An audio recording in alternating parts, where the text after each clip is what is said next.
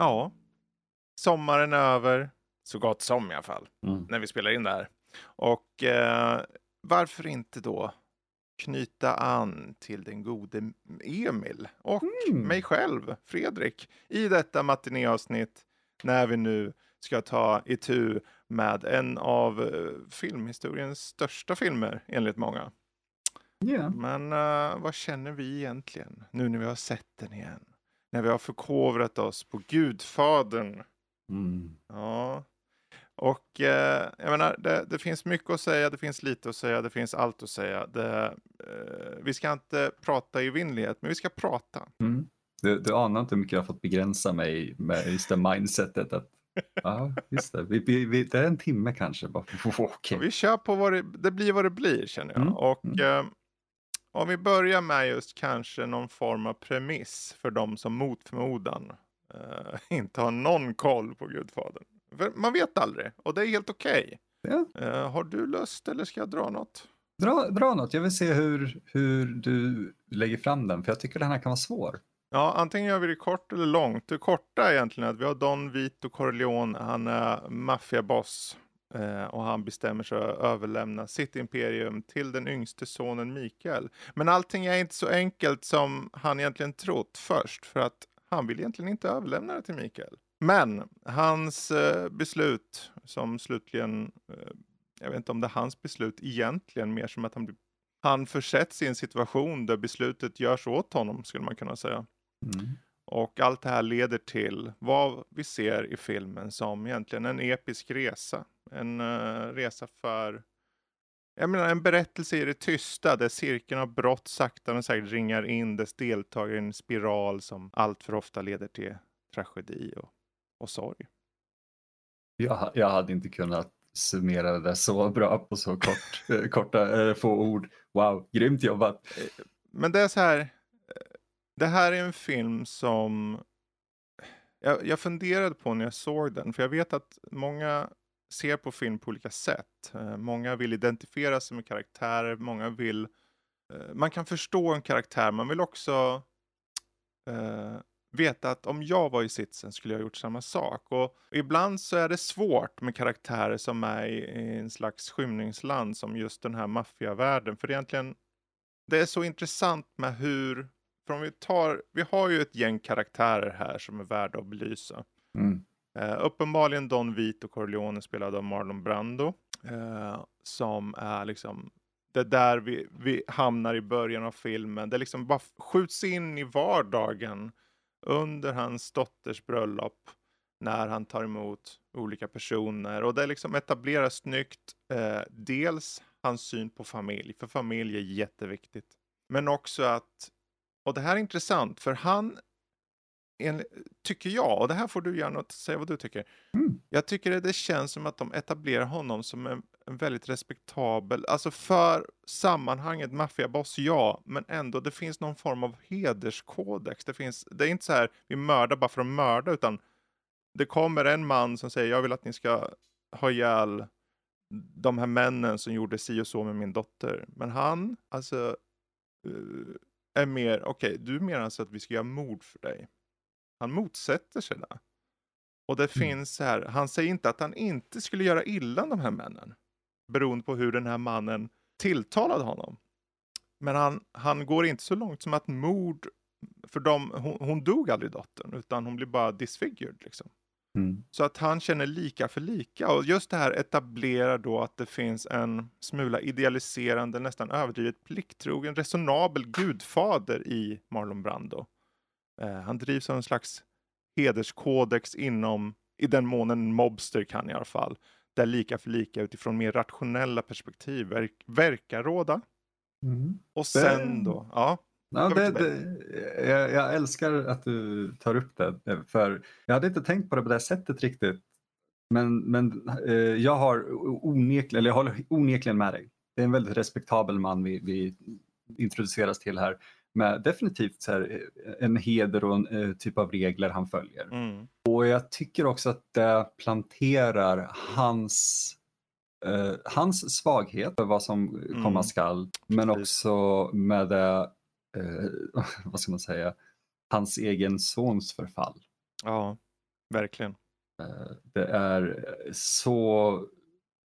Det, det är säkert nu när vi tittar tillbaka på det i retrospekt och sådär men, men någonstans känner jag att det där var definitivt genomtänkt och Mm. planerat och inte bara åh det råkade bli så, åh vad bra. Eh, Allt, allt eh, vi behöver lära känna eller kunna om karaktären Don Vito Corleone, eh, Corleone lär vi oss där. Mm. Det är briljant. Och det är just det här, det känns så mycket som att filmen anspelar mycket på att förändring är något som är oundvikligt. Förändring, det är så här, han kommer från en tid där den här typen av heder, alltså det var så här, de snackar om, vi vill inte föra, han vill inte ha in droger i det. Vi har hållit på med det här och det här och det här. Men droger vet vi leder till en väg som bara förstör på ett annat Mm. sätt. Och sen, det finns inga ursäkter, han är fortfarande en maffiaboss, det är ändå mord som sker på grund av honom. Ja. Men ehm, det är ändå intressant att se att det finns en slags, den här förändringen är så oundviklig. Och det, det är där då som den här, jag skulle kalla det nästan en treenighet bland sönerna. Mm. Förvisso är det en av dem som inte syns så mycket i den här filmen, alltså Fredo, eller Mm. Frido, John Casales, eh, mer eh, lite veliga, lite rädda, lite så här. Han är lite bly, reserverad eh, och lite så här. Han, han vet inte riktigt sin plats känns det som. Mm. Men de som, den som däremot tar väldigt mycket plats är ju Sonny, då James Caan karaktär som står för egentligen, han är ju den som gör de överilade besluten, han drivs av sin passion direkt alltså. Och sen har vi ju Michael då, Mm. Al Pacinos karaktär som först står för de här mer handfasta och på sätt och vis mer rationella insikterna, i alla fall i början av filmen. Men Mm. han utvecklas ju egentligen till en mer kalkylerande eh, beslutsfattare. En, som Iskall. på- Ja, iskall. Som egentligen på många sätt och vis är den förändring som är oundviklig. Yes. Åh, ja. Eh, och allt detta med Marlon Brando och Ston Viton som på något sätt än en gång då baserar mycket av sin taktik i ett slags inboende rationellt hederskodex, något som då går förlorat i alla söner. Ja. Det, det är så fascinerande därför att jag, från vad jag vet så eh, är inte filmen helt hundra procent efter boken. Det finns ju en Mm. bok eh, av Mario Puzo från början. Men de har gjort väldigt mycket skillnader och sådär för att få det att funka bättre som en film. Mm. Och för mig, när jag eh, tittade på den nu igen, så nu kommer min teaterpretension in här kanske. Mm, Go for it. Men det här är en väldigt shakespeariansk historia. Mm. Det är i princip, skulle jag vilja säga, kung Lear. Vi har kungen som har tre döttrar som, om jag nu minns rätt, ska giftas bort eller ta över tronen. Mm. Och ingen av dem passar enligt Lear. Men de alla tre försöker att visa att Nej, men jag, jag är bäst eller det här vill jag med mitt liv och sådär. Mm. Mm. Eh, och självklart, tragedi. Det slutar Mm. ju i totalt kaos. Och Gudfadern gör den historien fast på, på ett sätt som har tagit mig tills nu. Mm. Att inse att det här är, som du var inne på, en episk typ av historia. Mm. Alltså det är en episk typ av berättande. Och då menar jag, alltså episkt i just den här klassiska betoningen av episkt. Mm. Storslaget berättande fast på typ New Yorks gator.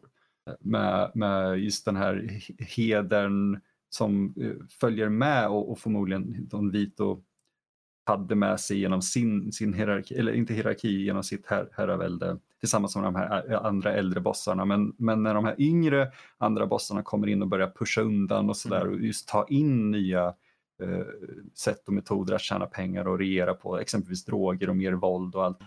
Eh, eh, på något vis blir det den här eh, romantiserade bilden kanske och som, jag var inte där, ingen av oss var där, men som jag har hört mycket om från bakom materialet till Gudfadern Mm. eh, den här klassiska 30-40-talsmaffian som självklart hade en jävla massa skit de Mm. gjorde som var vedervärdigt. Men det var också de i mångt och mycket som höll en ordning på stan och gatorna som polisen inte kunde hantera. Mm. Och det gjordes med hjälp av den här heden och fruktan för Mm. vad som skedde om, om eh, en maffiafamilj fick Mm. tag på det eller du gick emot dem.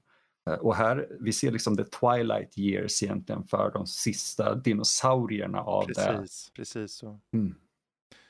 Det är just det, det är ju någonting också, jag, jag slogs ju av, för jag vill foka lite på Marlon Brando. Eh, Mm. Den här karaktären han gör nu, när jag såg om filmen så slogs jag att den är nästan lite, det är en idealiserad bild av en maffiaboss. Det är liksom, Mm. i den bästa fall så skulle vi ha en maffiaboss.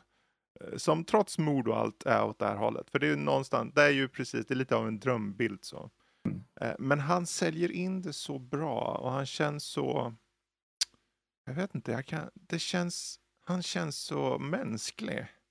Han känns inte som en skurk. Nej, och det är så här, man skulle kunna, jag, jag, kan, jag undrar hur det var för publiken då 72 när den kom och de ser, han säger sina första ord med de här puffarna i munnen och, och publiken 72 vet ju hur Marlon Brando låter och sen gör han sin, men ändå bara köper man det. Mm. Eh, och Jag var det- ja, jag vet inte, det, det är bara någonting med att hur han går in i rollen är så helhjärtat och så sann Mm. bara. Utan det så tror inte jag att de hade köpt det från första början. Jag tror faktiskt inte det. Den är, den är så extremt viktig just för att det hade kunnat bli en sån parodi på sig själv. Mm. Eh, om, inte, om det inte hade varit Marlon Brando som gjorde Mm. det. Säga vad man vill om Brando, men det, det, det var en jävla skådis. Ja, definitivt. Han, han ansågs eh, och kallades ju eh, the greatest of his generation Mm. och, och ju mer man ser filmer med honom så det finns inget, alltså ja, jag kan bara hålla med. Mm. Vansinnigt vad den mannen, den, den konstnären helt Mm. enkelt kunde göra med sitt eh, hantverk. Precis, och det är de små scenerna som att när han kommer tillbaka och blev skjuten där och han Mm. ligger till sängs och han mer eller mindre brister i gråt men håller tillbaka gråten samtidigt av att höra att Michael har blivit tvungen att skjuta, eller blivit tvungen, han, har konspir, konspir, konspiratoriskt sett tagit fram en plan för att skjuta polischefen och den här maffia eh, Tatalja eller vad han heter. Ja. Eh, och han har väldigt kyligt gjort det liksom. Om än nervöst. Men han har... nervöst. En väldigt, en väldigt, väldigt bra scen för övrigt. No. Eh, så, så brister för honom för att det är ju liksom han ju, hade ju hela tiden velat något annorlunda för Michael. För, Mm. för krigets grymheter, för Michael kom ju tillbaka från andra världskriget och han var den hjälten i familjen såg han honom som. Eh, han ville att han skulle bli en senator eller någon guvernör eller någonting men eh, tyvärr är det ju så att krigets grymheter snarare skänker Michael någon form av, som du sa, iskall kalkylerande eh, sätt att tänka. Och jag tror mord för honom är nästan lättare på grund av det, verkar det som.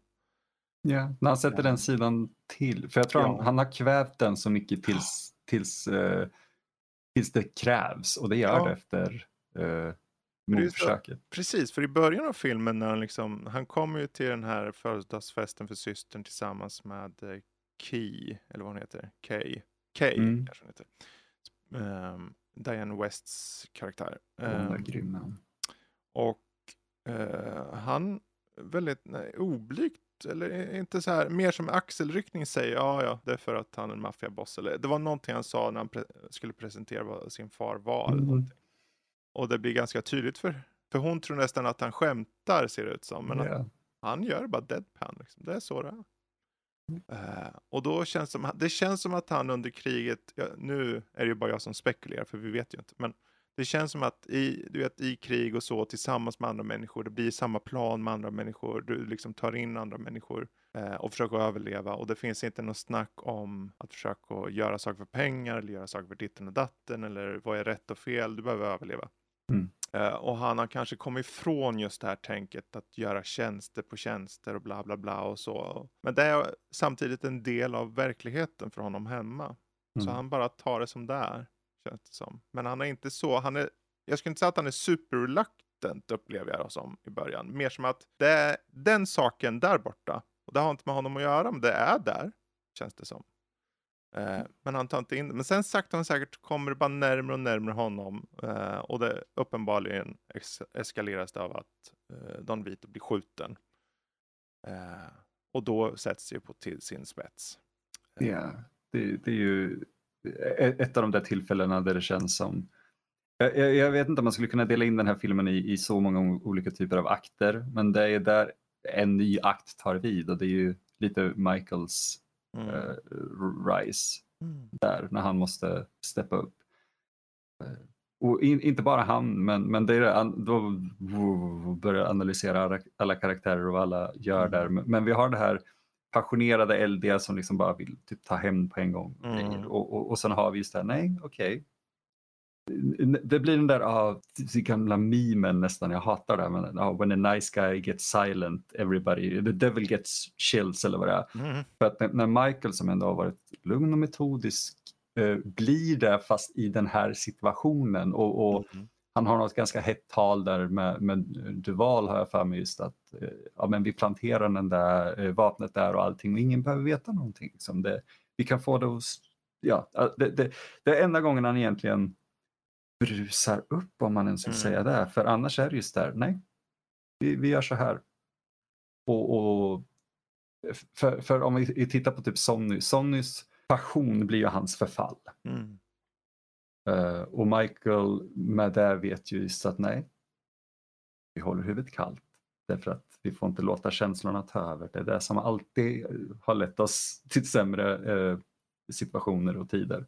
Och, och inte för att gå händelserna i förväg, men just att han lyckas hålla, mm. hålla sig så plan är ju det som leder till kanske en av de bästa montagescenerna i filmhistorien med dopet och, och alla hits och allting.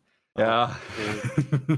Det, är ju en sån bra balans där mot någonting eh, rituellt. Som mm. är, uh, ceremon ceremoniellt. Mm. Liksom. Och det sker ju samtidigt någonting annat väldigt rituellt, nästan något som döper honom. Exakt. Ah, jag ryser. Det, det, är en sån här, det är en filmisk, det är just till, alltså rent det tekniska sett i filmen så slogs jag av. För det är så här, de väljer scener hur de ska slås ut mot varandra. Eh, det är en väldigt, eh, jag ska inte säga basic är fel ord, en, en väldigt grund eh, lagd film i den mm. mån att det känns det, det, är inga Dutch angles, det är inga konstigheter, utan den är väldigt uh, film, filmig, filmisk liksom. Det, det, är en väldigt New Hollywood, New Hollywood-film, om man ska säga. Och det är, ja, det är exakt det. Det är, det är kanske den mest grundläggande filmiska filmen, den mest cinematiska filmen uh, ifrån den här tiden. Mm. Men uh, samtidigt är jag intresserad just av, för jag vet inte om du slogs av den, jag tänkte på det här och det kanske bara jag som fantiserar, men det fanns en dämpad tystnad i många scener. De tillät tystnad eh, och de arbetar med tystnad i många scener och har ibland till och med ovanligt odramatiska scenövergångar. Mm. Till. Alltså det, bara, det sker en sak som i sig är drama väldigt dramatisk. Det exploderar en bil. Swipe eller bara scenbyte, tyst. Det är liksom tystnar, tystar ner mm. och så byter du scen. Det är så här, och jag tror någonstans och det kanske är jag som läser in saker igen. Det känns som att du vet, livet har inte dramat Alltså det är inte en musikalisk ouvertyr som kommer in när, när du snubblar utanför dörren. Utan du snubblar och sen går livet vidare och det är lite så här också. Ja. Det, det, hemska saker sker, bra saker sker, allt sker. Och livet går vidare. Odramatiskt sett till scenövergångar. ja, men det, det, det är någonting jag inte heller riktigt, jag hade inte tänkt att ta upp just för jag vet inte hur jag ska formulera det. Eh, och det är just att storytellingen med, med hur de väljer att klippa och, och kameravinklar och hur saker är filmade är nästan lite jarring om man ska säga för en modern publik tror jag. För jag tror inte en modern publik skulle bli uh, trött på den här. Jag tror inte de skulle bli uttråkade. För det är just det här hantverket med att du kan ha de här väldigt grundläggande basic scenerna och övergångarna och allting. Eh, och just för att de är använda på, på så specifika vis gör att den här spänningen, den där tystnaden som, är, Precis. som fyller upp verkligen. Övergångarna som inte bara är, ja vi var tvungna att klippa till nästa scen, utan det är verkligen den, den eh, typen av övergång betyder någonting. Mm. Eh, och visst, vi, nu skulle vi säkert kunna sitta och överanalysera varenda en sån. Men eh, det, det finns ju en anledning till att eh, slutsekvensen, eller man ska säga, med, med dopet och allting är så mycket mer Nej, inte så mycket mer minnesvärd vill jag inte säga, men att den sticker ut som en mer actionspäckad och kanske dramatisk sekvens just för att den är klippt på det sättet Mm. och, och juxtapose vad som sker i de båda, båda olika eh, parallella bilderna. Liksom. Men eh, tills är dess så också- är det lugnt. Det är också just det här, den scenen där när, när, när dopet sker och så.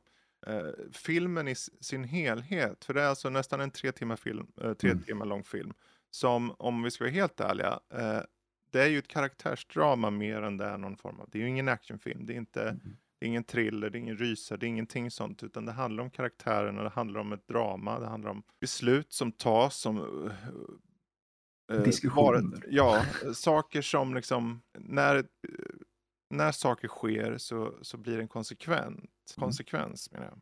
Och eh, överlag så är tempot, eh, jag vet att en ung publik, eh, för det märkte jag när vi tittade och min dotter var med och tittade. Hon tyckte det var snortråkigt första två. Alltså hon tyckte att det var en sån långsam tempo och de bara bubblade och bubblade och bubblade. Ehm, så att hon, hon kände väl inte att hon tyckte om den så värst mycket. Mm. Men det är ju också så här att det är en fråga om nyanser. Man, Mm. man, s- jag tror också att ju äldre du blir, eh, desto mer ser du nyanserna. För att eh, precis som, eh, som människor i allmänhet, om du har erfarenhet av livet så kan du förstå vad vissa saker betyder. Jag menar, bara Mm. slutscenen i hela filmen när han säger jag kommer inte ljuga för dig Ja. i det här. Och sen så precis innan dörren stängs ser hon hur de här mobguysen kommer upp. Och så stängs dörren för henne. End. Mm. Och visar att eh, ljuga i hans fall, ja det, det är inte vad... Vad är det-? Ja, typ så.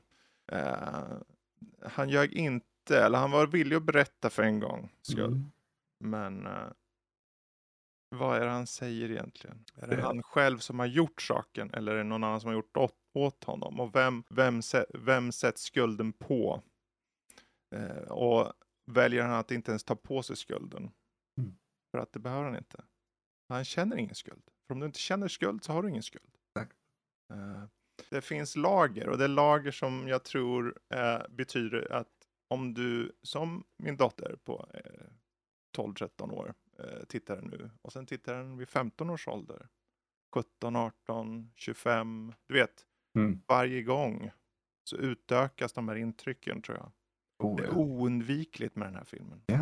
För att, eh, för att citera eh, både Carrie Fisher och, och Vin Diesel då, antar jag, it, it's all about family. Lite grann. Och man får ett vidare och bredare aspekt, perspektiv på familj och, och ja, men livet som du sa, liksom, ju äldre man blir såklart. Och jag ser inte samma film nu som när jag såg den när jag var 15. Nej. Hade jag sett den yngre än, än 15-16 då hade jag nog också tyckt det var väldigt Med det sagt, långsamt. vill bara skjuta in att det finns med all säkerhet många, många ungdomar som också älskar den. Oh, förmodligen. Men att det, det är bara så här, man, man kan också, om man bara tittar på den utifrån så går det ju inte att förneka att den, att den tar sin tid med saker, tar sin tid med karaktären. Den etablerar saker och den etablerar, bara inledningen är ju, jag vet inte hur, hur lång tid är bara den här eh, bröllopsscenerna liksom. Det är ju minst 20 minuter känns det Ja, som. minst om inte längre. Ja. Eh, hur många filmer hade inte bara tagit det på två, tre minuter och gått vidare? Men, Ja. här är det så men det är också en poäng i det. Det är inte långt bara för att vara långt. Nej. Eh, jag vet att han pratar ju, eh, Francis Ford Coppola, alltså regissören, han pratar ju om när han gjorde, vi ska inte prata för mycket om det, men, men i Apocalypse Now Mm. så fick han ju chansen, är fel ord att säga, men han blev ombedd att göra Redux Mm. som eh, 40 minuter längre eller vad det är. Och han själv är lite så här, det är 40 minuter av whatever. Eh, vi har bara slängt in allt från dailies i princip, eller ja, från materialet vi klippte bort. Och, och fine att folk ville ha en längre version antar jag, men det är inte min vision. Nej. Sen gjorde han ju den här final cut av den då, som Mm. tog bort mycket av det men behöll vissa aspekter. Uh, Vingården exempelvis, Mm. mest ökända eller kända hur man vill se det. Eh, där, det är liksom jag, jag älskar att någon som gör mastodontfilm eller gjorde mastodontfilmer i princip säger det där var för långt, 40 minuter av bullshit. Sen Gudfadern, nej, där fyller varje Mm. minut en funktion. Precis.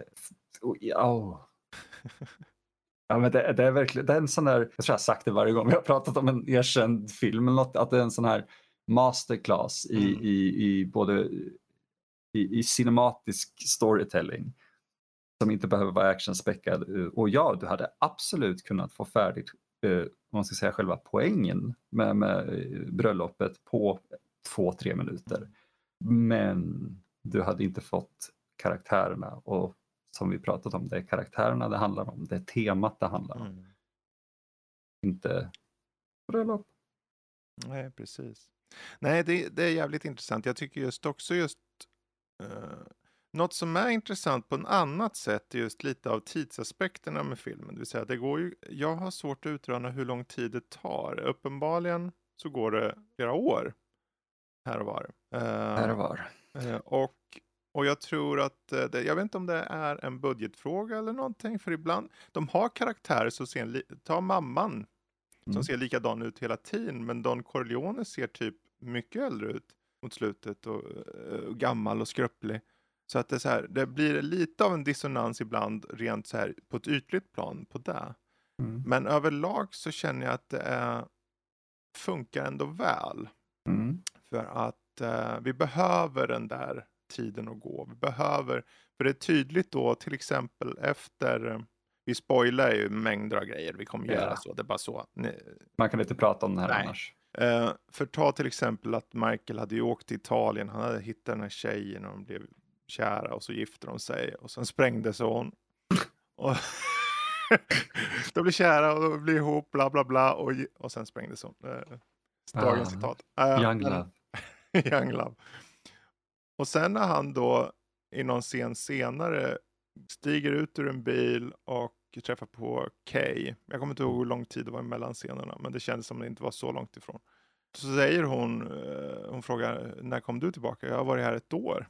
Mm. Så att det är ändå så här, redan där har man, de etablerar i, eh, i, i, i text eller i dialog i alla fall att det gått ett år sådär. Det är enda gången den exposition line vad jag kan komma på som är lite uppenbar exposition. Möjligtvis, möjligtvis. Men det är så här, okej, ja de har det. det. Och det är bra att de har det. För de Mm. det, det sätter ju honom i en rela, relation till vad har han gjort i ett år. Mm. Att vi som publik förstår det. det är ju, den expositionen är bra, eh, känner jag. Oh, ja. Eh, för att det är också att han har hållit på ett år och kontakta henne. Är Men samtidigt så sprängdes hans fru för ett år sedan och det tog honom ett år. Sen kan man ju börja säga, men varför går han tillbaka till henne? Mm. Vad är det han, känner han så mycket för henne nu helt plötsligt eller är det mer det är ju här som jag tänker att vad de är ute efter är den här iskalla kalkylerande biten i Michael. Mm. Att eh, för honom är det en taktik tror jag, en, en strategi att ja, men, hon är bra, hon är respektabel, hon har kommit in i familjen, bla bla bla. Det är det smarta valet. Ja. En trygghet. Jag tror det där. Jag tror det tar honom tid. Det kan inte ens vara att han har, kan, han är nästan den karaktären om jag ska bara gissa som att han har bestämt ett år tillbaka. Jag pratar med henne om ett år. Att det, liksom, Ja. det finns en chans att det till och med finns att han har valt ett, en tid, en plats för när han ska ta kontakt för att han behöver göra klart saker. Eller något Det- liknande.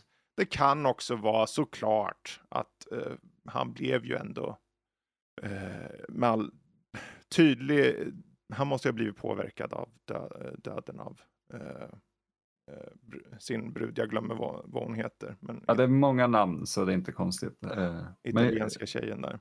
Eh, Ja, Så att det är ju, man kan läsa in lite som man vill. Eh, men jag tror det är samma sitt som med, med när Corleone blir skjuten. Just den här, ta lite av ett steg tillbaka och bara Mm. okej, hur gör jag hur gör jag situationen bättre för mig men överjävlig för alla andra Ja. som har gjort det här mot mig nu. Och det kan ta ett år just för att jag får inte vara arg när jag Mm. gör det här. Det är någon bort. slags rationell passion han har. För till skillnad Ja. från so Sonny som bara är liksom rakt ut, han känner där han känner och han bara går direkt och slår ner någon. Som den här Carlo som är systerns uh, uh, make till exempel. Uh, En av de bästa scenerna i filmhistorien. precis. Och egentligen, han, det han gör, att han tar ut en oförrätt på den här mannen. Mm. Det gör Michael sen också. Mm, Men han gör det på Michaels sätt. exakt. Så han pratar med honom lugnt och stilla. Får honom till slut att egentligen bekänna. Mm. Han säger vi kommer inte göra illa dig. Han sätter sig i en bil. Vi vet ju alla. Är en, han är ju en gangster ut i fingerspetsarna vid det här laget. Så att Ja. Carlo stryps ihjäl. Men det är just, ja, men det är det där kalla kalkylerade att du vet inte, när du sitter mitt emot Michael Corleone så Mm. vet du inte vad, vad, vad, hur kommer det här sluta. Du kan vara ditbjuden på det mest lugna och respektabla viset under en fest. Mm. Men det kan också sluta med att du är ihoprullad i en matta. För att du vet inte vad hans motiv är. Nej. Och det är det som gör honom så, så farlig Ja, och, och eh, intressant att följa som karaktär. precis så. För vi vet inte heller. Ja, Ja, och det det är just den här parallellen bara som slog mig att egentligen är ju han och Khan väldigt lika. För att de Mm. vill ju i slut, de vill få samma slutresultat egentligen. De hade, alltså hade någonting liknande, hade Sonny levt, hade han gjort samma sak om en mycket snabbare och överilat och kanske mitt ute i, i det publika liksom. Mm. Eh, Så att slutresultatet skulle förmodligen varit detsamma. Det är bara att det skulle varit betydligt mer råare och, och så. Kostat mer åt alla håll tror jag. Precis. Ja, detaljer i, i filmen. Jag, jag, eh, när, ja, det bara, jag hoppar bara till vart jag vill. Och så Varsågod. Ja. Eh, jag tänker på scenen när eh, Don Vito blir skjuten. Mm. Och eh, eh, John Casale som är med nu i filmen, väldigt lite, har ändå i den scenen, han fumlar med sitt vapen och tappar det. Mm. Sätter sig ner och gråter. Mm. Och gör inte något försök nästan till att hjälpa pappan, utan han, han ger upp, för han Mm. är sån. Och det är så här, det är inget som lyfts så av de andra. Jag vet inte ens om de vet om att han fumlar med vapnet. Men vad det gör att det, och jag vet, jag kommer inte ihåg om det fanns några tankar på att göra uppföljare, alltså tvåan. Inte då. Nej, för det känns ändå som... Hade de bara gjort den här filmen så är det okej, det, det etablerar hans karaktär är Veli och den inte hittar. Och sen när de kommer till, till att han får ta över Las Vegas så är han, han är ju skuggan på Mo Green också ändå. Och han Mm. är alltid i skuggan. Han, han kan inte... Han är inte stark bara. Nej, han är inte det. Och det... Eh, och det till och med i de, i de små scenerna kan de etablera det, vilket jag slogs av. Mm. Men det är, ja, det är sant för att Hade, hade bröderna vetat om det där? Jag är nyfiken på vad hade hänt om de visste att han hade vapnet och han fumlade med det? Nu var det, han skulle varit för sen i alla fall. För de kom ju fram och sköt 40 000 skott i pappan kändes det som. Eh, det var ett mirakel att han överlevde ändå. Eh, Mm. Men uh, jag vet inte, jag tyckte det var intressant bara. det är väldigt intressant. Eh, men jag tror det, det finns en anledning till att just den karaktären är med honom där och det är ju för att det, han är handlingsförlamad. Det är Mm. lite, ja men för fan, var dagvakt eller vad heter det? Så här, barnvakt åt honom i princip. Eh, Precis. och inte ens det kan han göra och han inser att inte ens det kan jag göra. Nej. Och det är där, jag tror de- den scenen är, den är för oss. Mm. Den är för honom. Eh, och, och det är väldigt bra berättande. eh, just att, att, att berätta på det sättet att han och för honom då, jag, är inte gjord för det här. Mm. Tydligen. Även om jag vill. Eh, och, och, eller även om jag skulle vilja. Och den så... Ja, jag, jag vet inte. Jag bara så här, tänker tillbaka på scenen nu, all, allt du säger och alla klipp. Alltså hur den... Det, det, ehm, Ja, det, det är som en, en bekräftelse på hur svag indirekt eh, Don Vito Corleone också har blivit i det Mm. att han, han är så... Han, han skulle ju haft män med sig. Det var ju någon som inte var med, som var sjuk. mm. Som uppenbarligen är problemet varför Mm. han blir skjuten. Eh, och det är så få män och det är så här att han tillåter sig själv i en sån position eh, är så tydligt också på hur, hur han har blivit lite för naiv kanske på något sätt också. Mm. Eh, och handlingsförlamad indirekt också.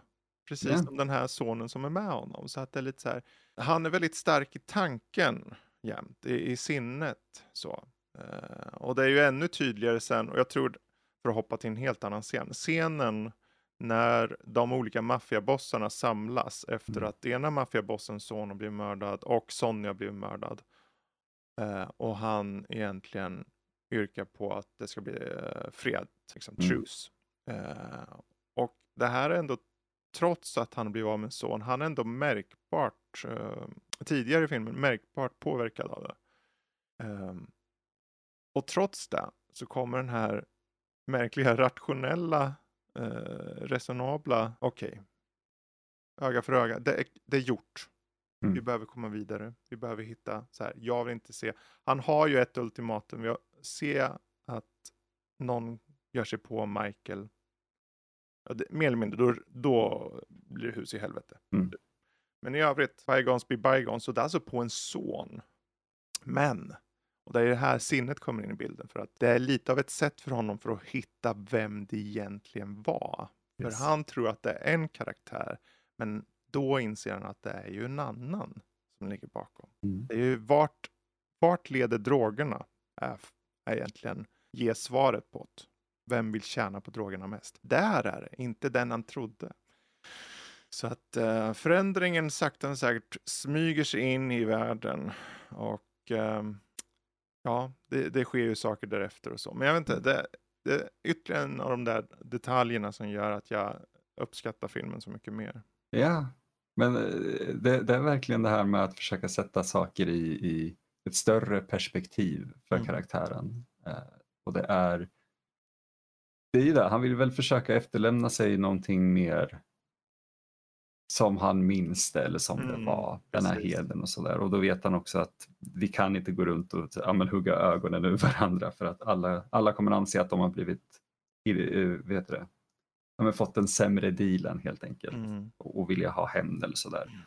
Men det är ju, han får ju reda på, på vem som ligger bakom grejer men, Mm. men jag tror också att det finns just den där, det här kommer bara bli värre. Så visst, vi har båda eller vi har alla förlorat någon här nu så Ja. nu bara Och det där, det där är ju ett siande, för det blir ju så. Ja. För att när han dör, Mm. vad gör Michael? Han gör vad Michael behöver göra. Han, går- han alltså- tar ju ut alla. Ja, exakt. Men han vet att hans, hans far hade inte velat det heller. Nej. Så det, det Han den där ändå. håller på det, när pappan har gått bort. För det pappans, pappan, eh, liksom, det är ju en slags blodspakt, inte blodspakt, men det är en pakt de gör. Mm. Men det är de som gör den pakten, Mm. den gör inte Michael. Så att det är helt fritt då för honom att ta ut dem där som han känner har gjort si och så och så. Eh, och det som Don Vito inte ville skulle ske, sker på grund av Michael egentligen. Mm. Men jag, jag tror också att det är den där, han var så, det är så många lager här, det är det jag älskar. För att jag tror Michael också hade velat ha det så, alltså det här lugna och fina, men han såg Mm, redan innan just att det här, det kommer inte bli som pappa ville. Eh, precis. Och det här, om, om vi ska överhuvudtaget överleva, inte bara vara relevanta utan överleva, så måste vi antingen anpassa oss eller dra härifrån. Ja. man ska säga. Och han anpassar sig inte så mycket som han bara använder sig av att folk tycker att hans familj har blivit lite lam och passiv och bara skrubbar kartan ren. Eh, Det är helt fantastiskt. Men det i sig leder ju till det här öga för öga grejen igen om man räknar in eh, uppföljaren och allting. Men Mm. den, en annan grej är det. Ja. Ja, A circle of violence. men då, vad, vad tycker du då? Aj, den är Om okej. det inte har fram, framgått. Liksom. Eh, men det, det är en sån där det är en sån där film som verkligen förtjänar eh, klassiker. För jag, jag, jag, jag är så trött på att alla kallar saker och ting för typ mästerverk. Mm. det finns så enormt många videos här om, om mycket spel, många spel exempelvis mm. som är bristfälliga och det kallas typ så a flawed masterpiece eller mm. någonting. Bara, nej, fast om det är så flawed att folk inte kan enas om att det trots det är ett mästerverk så är det nog inte ett mästerverk. Nej. Alltså, om man ska vara krass på det sättet. Precis. Uh, Gudfadern är en, en, en klassiker, en, en, ett mästerverk för allt det gör uh, rätt. Det finns ingenting i det som inte känns uh, uttänkt eller utstuderat eller och, och med tanke på hur, hur enorma pro, stora problem den här produktionen hade mm. också med, med riktiga maffian och med studion. Precis. Den historien, bakom historien rekommenderar jag folk Snälla se, se The Offer säger jag bara. Ex, tack, ja exakt. Snälla serien, den var fantastiskt bra och väldigt så här, eh, gav insyn på ett sätt som jag... Det är ju en tv-serie för övrigt som handlar om skapandet av eh, den här filmen och eh, Mario Puzo hur han tog fram den och sen producenten bakom det, Albert Esradi. Mm. Det var bra för jag hade glömt bort den. Jag såg den och jag bara, det här är eh, skitbra serie. Mm. Verkligen. För att, Då är det en miniserie dessutom, så det är inte så här, det är tio avsnitt bara. Det är perfekt. Mm. Just för att när man hör bakom historien så är det en, en sån där uh, situation där man innan sa wow, det här hade jag velat se bli en film. Ja, och så blir det en miniserie. jag vet inte om folk skulle ha trott att det var sant saker och ting som gick till. Liksom. Exakt. Uh, jag menar, är inte Luca Brasi Uh, han är ju gangstersnubbe uh, egentligen. Yeah. Och skälet till varför han läser in, varför, varför är han, det här är snubben i början på bröllopsscenen när det sitter en snubbe i en stol för att komma ihåg en replik som han ska säga till uh, Marlon Brando. Och det visar sig att det är egentligen, det är ju verklighet i den mån att yes. han kunde inte den. Så att de behövde hitta ett sätt att få honom att säga repliken men att kännas som att det funkade i världen. Mm. Och då gjorde de, okej okay, men han har svårt som person i filmen att säga det. Vi kör på det. Vi hittar en lösning.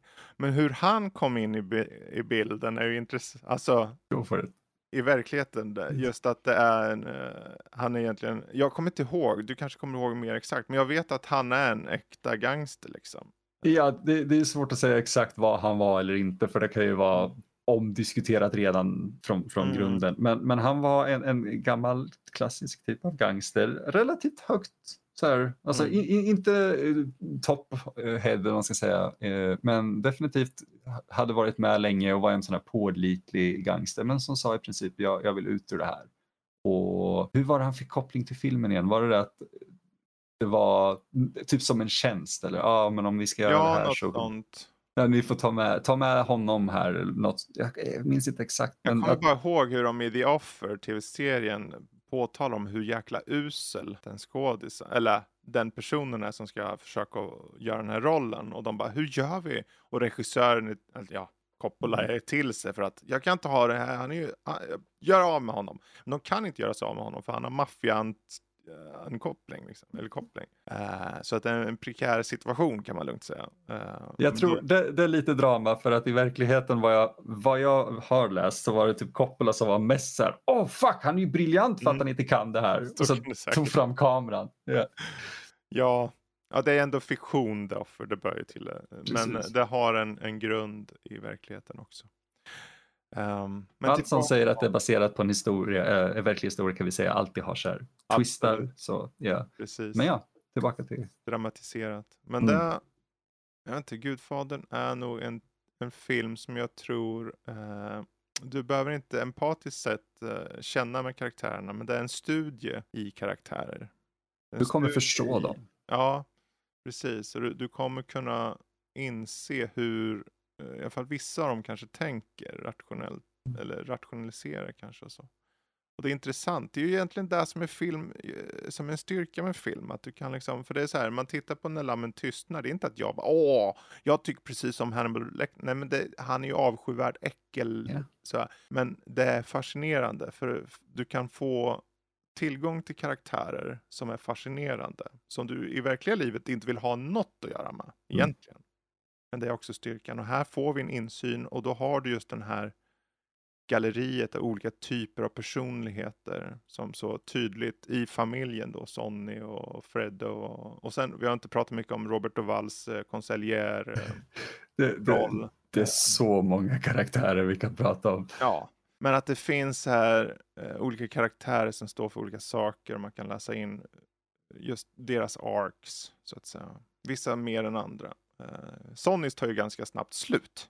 Eh, Ja, det gör det. Men han är också så här fascinerande för att han ha- hans karaktär må, ta slut ganska snabbt. Men hans inverkan på Mm. storyn eh, är fortfarande kvar så långt efter det. precis. Men det finns en, jag hittar inte vad, eh, karaktärens namn, jag måste, jag måste ta reda på det. Det finns en skådespelare i, i Gudfadern som, som helt fantastiskt, jag älskar att han är en del av det. Eh, s- en skådespelare som heter, eller hette Joe Spinell. mhm, Och han, jag tar upp det här bara för att det är väldigt intressant hur, hur hans karriär blomstrade och sen föll.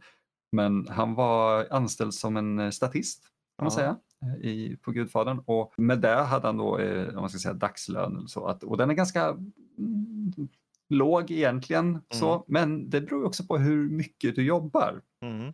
Joe Spinell, om jag har minnet med mig, var den näst högst betalade skådespelaren på Gudfadern för att han eh, var med i så många scener eh, att, att han och Marlon Brando var liksom de som typ hade mest screen time. Okej. Eh, typ. Och det är så vansinnigt eh, för att han är med i typ, han, han är med i tvåan också. Han är med i Rocky, Rocky 1 och 2 som eh, typ lånehajen Mm.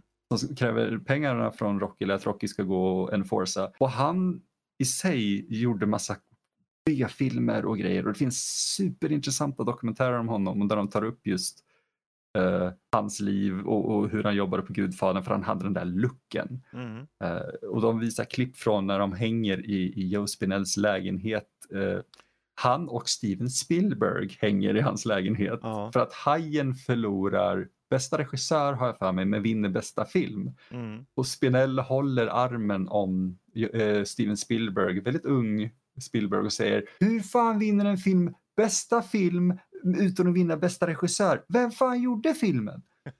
Precis. Eh, och jag blir så glad bara varje gång jag ser uh, Gudfadern och bara hej, är John Spinell som är med här igen. Hej vad coolt.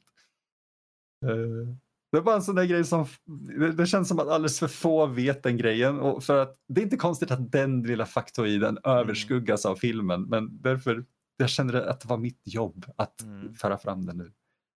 Ja, jag ser vem man är nu i filmen. Jag kommer, ihåg att, jag kommer väl ihåg att jag såg han i filmen. Eh, han var ju med bland annat i scenen när de eh, liksom sätter upp inför eh, alla skjutningar och sånt. Yes. Han står i någon trappa till exempel och så. Väntar Mm. in, signalerar. Ehm, Ganska viktig karaktär i slutändan ändå. Mm. ja, ja, nej, det finns mycket att säga och jag tror inte, jag tror vi kan nog reda i evinnerlighet. Eh, Det. Men jag Kan vi också. Supersnabbt bara tänker jag, Ja. bara för att det är så intressant tycker jag. 2006 kom Gudfadern The Video Game. Okej, ja. Har du spelat det? Nej. det? Det var ett av de första, det var nog det tillsammans med Family Guy. Som Okej. eh, min mamma och min bror köpte till mig när jag hade köpt min eh, eh, Playstation 2. Ja. så köpte de det till mig. Och jag var, det var i den åldern då jag precis hade börjat så här, titta på, jag hade, kände ju till filmen, jag hade sett den någon gång innan men jag ägde den inte. Så att spela igenom Gudfadern eh, utan att ha filmen så superfärsk i huvudet Mm. var så fascinerande. För att den följer ju filmens story fast ur perspektivet från typ någon som gjorde så att allting var, ja men typ en som Joe Spinells karaktär då, Mm. någon som Någon möjliggjorde som allt. fixade, ja precis. Till exempelvis den ökända hästhuvudscenen. Ja, Det är du i spelet som ordnar hästhuvudet. Det, det är så fantastiskt eh, invävt. Det är, lite, det är självklart det, det, är ett spel ja. baserat på Gudfadern. Men de har gjort ett fantastiskt jobb måste jag säga. Att jobba in hela den eh, grejen. Och det är underskattat. Jag rekommenderar Mm. folk faktiskt att, att om de kan hitta en kopia, spela det. Även om ja, Coppola tycker inte om det för att han blev inte de frågar inte honom om, om Nej. det och så, men det är fortfarande en liten intressant liten grej som skedde där i mitten av 2000-talet. Fantasieggande om inte annat. Liksom. Det, Mm. Och det är ju kul också med tanke på att de har väl eh, både James Caan och Robert Duvall och, Yes. och liknande med i filmen som gör voice acting. De har till och med en, ett Easter egg med eh, Marlon Brando. Mhm. Han var, det här var en av de sista grejerna han gjorde, men han, han var så sjuk Mm. och, och hade mycket syrgasmaskiner och grejer tydligen så de var tvungna att scrappa hans voice lines. Mm. Eh, Förutom vid ett tillfälle och det är ju när eh, han är skjuten i spelet Mm. och han ligger i sitt rum och sådär. Man kör honom till sjukhuset Okej. Eh, och står man utanför hans eh, rum så kan du höra hur eh, Corleone pratar. Då. Mm. Och det, den linen där, eller de linesen, är riktiga eh, Marlon Brando för att det, det spelade ingen roll att det var så mycket maskinljud i bakgrunden. Precis. Så det är fantastiskt hur hur påkostat det är ändå. Eh, Jag ville bara kolla så här, och vad, vad var relationen till det? Ja, det var ju i en period jag inte körde konsolspel. Mm. okej. Jag vet inte ens om den, den kom till Windows, men jag tror aldrig det blev av. Att jag testade, märkligt Mm. nog. Eh, för ärligt talat så tror jag mycket att det var mindsetet i den perioden runt 2000, mitten på 2000 när den kom, så var det ju evinnerligt mycket sådana licensspel som kom. Så Åh, när, jag, ja. när jag såg, åh gud, fan, nu ska de ha, åh för guds skull. Alltså, det är så här, om du inte visste att det var bra, Mm. och du säger att de har gjort ett spel på Gudfadern så kan man ju lätt tro, det, varför gör du ett spel på det? Jag hade sågat det vid fotknölarna Ja. om jag hade vetat om, eller bara sett att det kom Eh, ett spel. Jag tror jag var bara så här, jag, det var mest att jag inte visste om det och när jag väl visste om det tänkte jag, ja, men det där licens på det är ju nästan eh, häderi. Det är lite häderi faktiskt. Men det är kul att det var bra och jag har hört bara mycket gott om det. Jag vet Danny har, eh, han spelade också då, Mm. eh, om jag minns rätt, och han tyckte mycket, mycket om det också. Eh, det är samma sak som med Punisher-spelet som kom. Oh, eller jag vet ja. inte om de många som har gjort, men det fanns i alla fall ett som var väldigt hyllat av människor som spelade. Och det är Med Thomas Jane. Thomas Jane kom tillbaka och gjorde rösten. Jaha, okej. Mm. Då har han fått Mm. göra en bra Punisher en gång. han, han var bra i den inofficiella fanfilmen eh, Laundry Day eh, med Ron Perlman. Okej. Han mördar folk med en flaska på en tvättomat. Det är jättebra. Ja, jösses. Ja, men det är kul. Det finns ju mycket så här medier runt omkring saker och ting och jag tror att ändå Gudfadern har ganska begränsat, Mm. känns det som. Men eh, om ni kommer över Gudfadern, vi, eh, the video game där, kör! Jag Ja, menar, det är. Wii, Xbox 360, PS3. Det är inte så långt bak. Det är inte det. Ehm, och play, eh, PC då. Ehm, och sen framförallt skulle jag än en gång vilja tipsa om The Offer. Tack. Som är en fantastisk tv-serie, eller miniserie. ehm, som förtäljer ur producentens synvinkel eh, av eh, filmen. Ja, för den, det, ja. Jag, tänker inte ens tillägga något där. Den historien är värd att, berätta så jag är så glad att The Offer gjorde det. Mm. Jag, jag kan inte tänka mig många producenters, alltså det, det var ett sånt där jobb där man, man trodde bara inte att det skulle funka och han, han var den som killade. Precis, precis. Men där har vi det i alla fall. Gudfadern avklarad. Vi får se om vi återkommer till denna värld igen. Mm. Eh, men nästa gång kommer det bli en ganska annorlunda värld. Jag kom precis på. Nästa gång. Vad är det nästa gång? Nej, nej, nej, jag vill inte säga. Vill du inte säga det? Nej, Vi kan hålla på det. håller på det. Bra. Eh, så tar vi våra flygande bilar och åker hem. Eh, kanske var lite on the nose där. nej, nej, nej, det var bra. Det var bra. Men eh, då så. Då tackar jag dig Emil för att du har haft tid och lust att bubbla lite. Oh. Gudfadern så här i matiné. Och vi hoppas att ni fortsätter att lyssna. Det kommer lite eh, då och då de här avsnitten. Eh, Vi Mm. siktar på kvartalsmässigt. Det kan bli oftare, det kan bli långsammare. Men det kommer. Ja, Så håll Ja, ut. det, när det klickar för oss och vi känner att fan det här, nu vill vi prata det här, då, Mm. då gör vi det. Och jag, jag, ärligt talat, jag tror nästa kommer komma ut snabbare än vad... Jag tror det med. Ja. Jag tror det definitivt. Jag har redan sett filmen i fråga. Du Så. har gjort det? Jag, Ja. jag, jag har den liggandes för jag är Eller ja, jag har ju redan sett den 41 000 gånger, det Ja. säger jag också förvisso. Men, eh, Men, ja, men den är värd att ses. Ja, jag, jag- vill, jag vill nästan avslöja det nu, men nej. Ni, ni som kan flygande bilar och... Eh, Säg nej, inget mer, nej, det, det blir vad det blir. Ja. Vi behöver inte låsa in oss för mycket ifall något händer. Men eh, Ja. ta hand om er där ute och eh, ha en god stund i matiné-salongen där ute. Så hörs vi snart igen. Det gör vi. Hej då! Hej!